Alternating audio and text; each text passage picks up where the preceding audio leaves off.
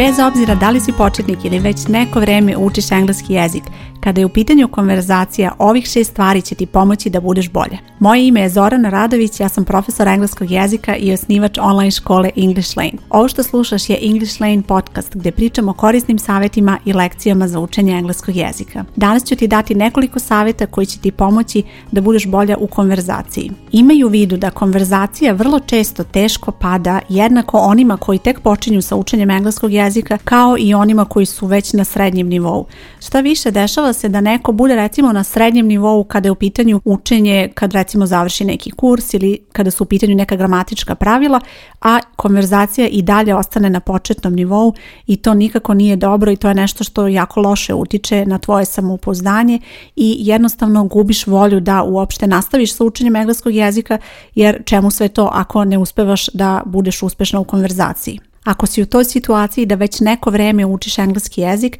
ovi savjeti će ti pomoći da malo bolje razmisliš o načinu učenja i da jednostavno malo napraviš neki zaokret i da se bolje fokusiraš da bi ipak razvila i tu veštinu konverzacije, a ukoliko tek počinješ sa učenjem engleskog jezika, ova epizoda je odlična za tebe da ti pomogne da nađeš pravi fokus i da razmišljaš o pravim stvarima kada kreneš sa učenjem engleskog jezika. Prvi savjet je kreni sa učenjem engleskog jezika i znam da je ovo možda ovako previše očigledno da kažem, ali jeste tako. Vrlo je bitno da kreneš sa učenjem na kursu koji pohađaš i da učiš sve što je neophodno za konverzaciju. To uključuje nove reči, vežbanje izgovora, gramatička pravila, vremena, članove, predloge, sve ono što čini jedan jezik jer je sve to zapravo ono što će ti biti potrebno u konverzaciji. Nije dovoljno da ti samo slušaš konverzaciju i da na taj način nekako naučiš prosto pravila, jer to vrlo često nije moguće, već jednostavno moraš da učiš pravila, a onda da ih primenjuješ u konverzaciji. Zato imaju vidu da svaka konverzacija jeste cilj, ali zapravo sve kreće od istog, kreće od nekog kursa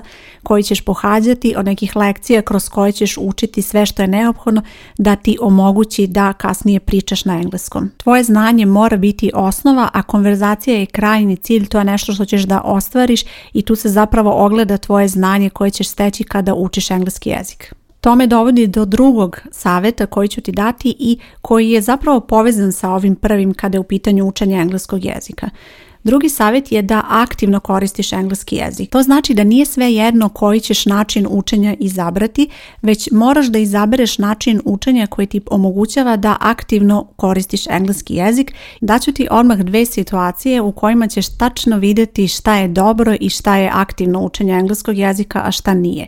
Prva situacija je da recimo imaš lekciju i odmah nakon te lekcije, nakon što naučiš nekoliko novih reći ili recimo naučiš neki glagol, kako da upotrebiš recimo neko vreme i odmah te ta lekcija vodi na aktivnost gdje ćeš to da upotrebiš, gdje ćeš da odgovoriš na neko pitanje koristeći te reći. ili ćeš recimo uraditi zadatak koji će te naterati da napišeš nešto koristeći tu reč, odnosno tu konstrukciju. To je način koji tebi pomaže da aktivno koristiš engleski jezik. U toj situaciji od tebe se očekuje da naučiš lekciju i odmah da je aktivno upotrebiš. I to je nešto što treba da se nastavlja i dalje u okviru kursa koji pohađaš, odnosno da taj način tebe konstantno vraća na to da ti aktivno koristiš engleski jezik. Kod drugog načina imat ćeš recimo lekciju, onda će se nadovezivati sljedeća lekcija, pa sljedeća lekcija. Možda će između biti neko vežbanje, ali imaju u vidu da samo vežbanje nije dovoljno da ti pomogne da aktiviraš svoje znanje da, vežbanje je odlična provjera znanja i pomoći će ti da vidiš da li treba da se vratiš na nešto, da li si naučila, ali nije ti dovoljno da bi ti aktivno koristila engleski jezik. Zato recimo u mojoj online školi lekcije i vežbanja nisu jedine aktivnosti u okviru kursa koje polaznice treba da urade, zato što moj cilj i jeste da im pomognem da aktivno koriste engleski jezik i to ne recimo od A2 nivoa ili tako dalje, već bukvalno od samog početka. Znači bukvalno polaznice koje krenu sa mnom da nauče i već u prvoj nedelji ja od njih očekujem da one nauče nekoliko novih reči i da odmah te reči upotrebe i da urade samostalno zadatak, da pročitaju nešto, da odgovore na pitanja, iako to deluje možda strašno nekome ko počinje da uči i pomislit ćeš možda kako ću ja to uspeti pa tek počinjem sa učenjem, ali vidjet ćeš da je to moguće ostvariti. I to je moguće ostvariti baš zato što je akcenat kurseva koje ja pravim na aktivnoj upotrebi jezika, znači učiš engleski jezik zbog konverzacije, ne zbog testa, ne zbog provere znanja, ne zbog sertifikata i tako dalje, već da aktivno koristiš engleski jezik, to jest da učestvuješ u konverzaciji. Sljedeći savjet je nešto što mnogi zaborave i jednostavno ne računaju kao konverzaciju, a zapravo jeste odlična vežba i nešto što će ti mnogo pomoći da počneš da vežbaš konverzaciju. Savjet je kreni sa pisanjem. Iako je ovo nešto što mnogi ne računaju, da kažem, u konverzaciju, misle da pisanje nije neophodno i da jednostavno kad pišeš ti ne možeš da vežbaš konverzaciju, ali vidi zašto je to vrlo bitno. Kada želiš da napišeš na engleskom jeziku, ti bukvalno nateraš sebe da smišljaš rečenice na engleskom jeziku. I vrlo je bitno da to uradiš od samog početka. To je nešto što je jako teško u početku izvesti. U početku ćeš probati da smišljaš rečenice na svom maternjem jeziku, pa ćeš ih prevoditi, ali cilj ove vežbe, odnosno zadatka pisanja jeste da tebe natera da pokušaš da smišljaš rečenice na engleskom jeziku. Razumija da ćeš ti verovatno razmišljati o tome da li si dobro napisala same reči, da li si možda izostavila neko slovo, da li si čak možda negde trebala da upotrebiš član ili ne, ali jednostavno moraš da sagledaš veću sliku jer ti radiš ovo da bi naterala sebe da razmišljaš na engleskom. I u redu je ako ta rečenica neka bude pogrešna i ako neka reč bude pogrešna, jer to nije bitno. Bitno je da ti učiš svoj mozak da razmišljaš na engleskom jer to je nešto što će ti pomoći kasnije u konverzaciji. Jer kada si ti u situaciji da usmeno pričaš sa nekim na engleskom jeziku, ti moraš da brzo odgovoriš na neko pitanje i nemaš vremena mnogo da smišljaš te rečenice i da bi to uspjela to prosto moraš da vežbaš. A to ćeš uraditi tako što ćeš raditi zadatke pisanja, tako što ćeš odgovarati na neka pitanja i tako dalje. Znači to su sve situacije kada možeš da vežbaš konverzaciju i naravno velika prednost ove vežbe je što možeš da radiš samostalno. Znači nije ti potrebno da imaš nekog sa kim bi pričala na engleskom, već jednostavno uzmeš neki papir i kreneš sa pisanjem. Ovdje imamo dva načina na koje možeš pristupiti rešavanju ovakvih zadataka, a samo jedan od njih će te dovesti do uspeha. Prvi način je da ovaj zadatak, zadatak pisanja iskoristiš kao priliku da napišeš najbolje što umeš nešto u tom trenutku. Nećeš koristiti pomoć, nećeš koristiti rečnik, već ćeš se osloniti samo na ono što znaš, čak i ako to možda u ovom trenutku bude dosta ograničeno, čak i ako rečenice možda budu kraće, malo jednostavnije, uradit ćeš to onako kako možeš a drugi način je da se vratiš na lekciju, da gledaš primere iz lekcija, da prepišeš neki primjer iz lekcije, da upotrebiš rečnik, da dodaš neku novu reč ili recimo da upotrebiš Google Translate da provjeriš da li je rečenica koju si napisala tačna ili da čak u potpunosti smisliš rečenicu na maternjem jeziku i da je onda koristeći taj alat prevedeš na engleski jezik. A naravno i jednostavno možeš da ne uradiš ovaj zadatak, da ga smatraš nevažnim za neki cilj koji želiš da ostvariš, ali kao što sam već rekla, samo jedan od njih ti može doneti uspjeh, a to je prvi način gdje ćeš ti uraditi zadatak koristeći samo ono što znaš, jer poenta zadatka pisanja jeste da ti aktiviraš svoje znanje i da upotrebiš ono što znaš. Nemoj koristiti pomoć jer to nije nešto što ćeš imati u konverzaciji i to zapravo treba da bude iskustvo, tvoje iskustvo koje ćeš sticati i ovakve zadatke ćeš redovno raditi baš zato da bi stekla iskustvo kada je u pitanju izražavanje na engleskom koje će za početak biti u pisanom obliku, a vremenom ćeš naravno napredovati i ka konverzaciji. Ili ćeš jednostavno samo izgovoriti te rečenice odmah bez mnogo razmišljanja i pripreme. Inače, ako uradiš na pogrešan način ovaj zadatak, to je ovaj drugi način koji sam pomenula, ili ako odlučiš da jednostavno preskočiš ovakve zadatke kao nevažne, to će samo dovesti u situaciju da se gomila tvoje neiskustvo, odnosno da se gomilaju lekcije, a da ti ne dobiješ priliku da aktivno to koristiš i onda ćeš doći u situaciju u kakvu ne treba da dođeš u kakvu nažalost mnogi dolaze da jednostavno ti po tvojim rezultatima na kursu, na testovima bi trebalo da budeš neki određeni nivo, ali nažalost konverzacija pokazuje da zapravo si ipak na početku. Sljedeći savjet je nešto za što ćeš možda odmah pomisliti lakše je to reći nego uraditi i možda dobiješ e, želju da odmah odustaneš ovoga i ne primjeniš ovaj savjet, ali poslušaj me i poslušaj kako da ovo sve ipak upotrebiš tako da možeš da prilagodiš svojoj situaciji. Savjet glasi ovako. Trudi se da pravilno odgovaraš na pitanja. E sad, to jeste možda malo teško, pogotovo u početku kako znaš da li si pravilno odgovorila na pitanja, ali vrlo je jednostavno zapravo. Kada učiš engleski jezik, ti ćeš učiti polako reči i pravila. I naravno, tvoj cilj treba da bude da naučiš to sa razumevanjem. Znači, treba da naučiš da razumeš to pravilo kako se primenjuje, treba da naučiš kako se čita neka reč, znači nije dovoljno samo da znaš kako se piše i kada učiš na taj način ti imaš dobre elemente koji su neophodni za konverzaciju. Sada kada dođeš onda u situaciju da si u konverzaciji da treba da odgovoriš na neko pitanje, ti treba da smisliš taj odgovor. Tvoj prvi cilj će biti da razmišljaš na maternjem jeziku i u toj situaciji vrlo često dolaziš do jednog velikog problema. Kada razmišljaš na maternjem jeziku, način na koji se izražavaš je dosta složen. Znači ti koristiš sasvim sa sigurnošću vremena, neke razne konstrukcije, pasiv i tako dalje, nešto što tebi jednostavno prirodno dolazi na tvom maternjem jeziku, ali nije tako lako izvesti kada treba to da kažeš na engleskom jeziku. Pogotovo zavisi gde si sada stigla sa učenjem, na kom si trenutno nivou i onda recimo ako želiš da se izraziš kao što bi žela na maternjem jeziku, to će vrlo često biti nemoguće da izvedeš na engleskom zato što jednostavno to još nisi učila. Recimo ako si na A2 nivou i želiš da kažeš nešto što je u indirektnom govoru,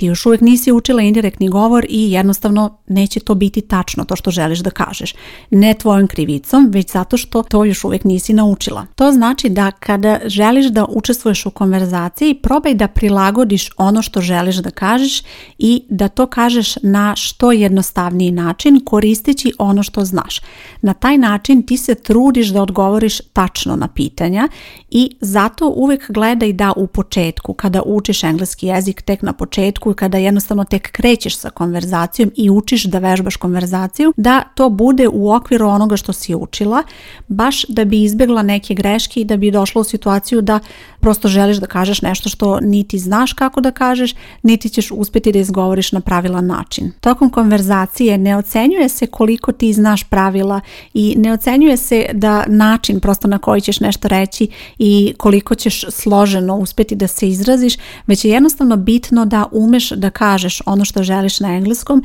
i sasvim je u redu i očekivano da na početku to bude nešto jednostavnije i da vremenom kako napreduješ rečenice koje ti izgovaraš budu složenije. Znači nemoj od samog početka sebi postaviti neke nerealne ciljeve i očekivati da kažeš nešto što prosto ne možeš jer onda ćeš doći u situaciju da se obeskrbriš, a to nije cilj. Tvoj cilj je da ti govoriš koliko možeš i da probaš da učestvuješ u konverzaciji što pre znači od samog početka i na taj način aktivno koristiš engleski jezik. I na kraju, zašto je ovo sve bitno? Kada učestvuješ u konverzaciji ti želiš da na tačan način govoriš engleski jezik jer jednostavno nije svejedno način na koji ćeš govoriti, nije bitno samo reći neku informaciju, preneti, upotrebiti neku frazu, klimati glavom jer to nije dobar način da učestvuješ u konverzaciji. Tvoj cilj je da zaista možeš aktivno da učestvuješ, da razumeš, ali da umeš i da odgovoriš, da umeš da kažeš svoje mišljenje i da vremenom razvijaš način na koji ćeš to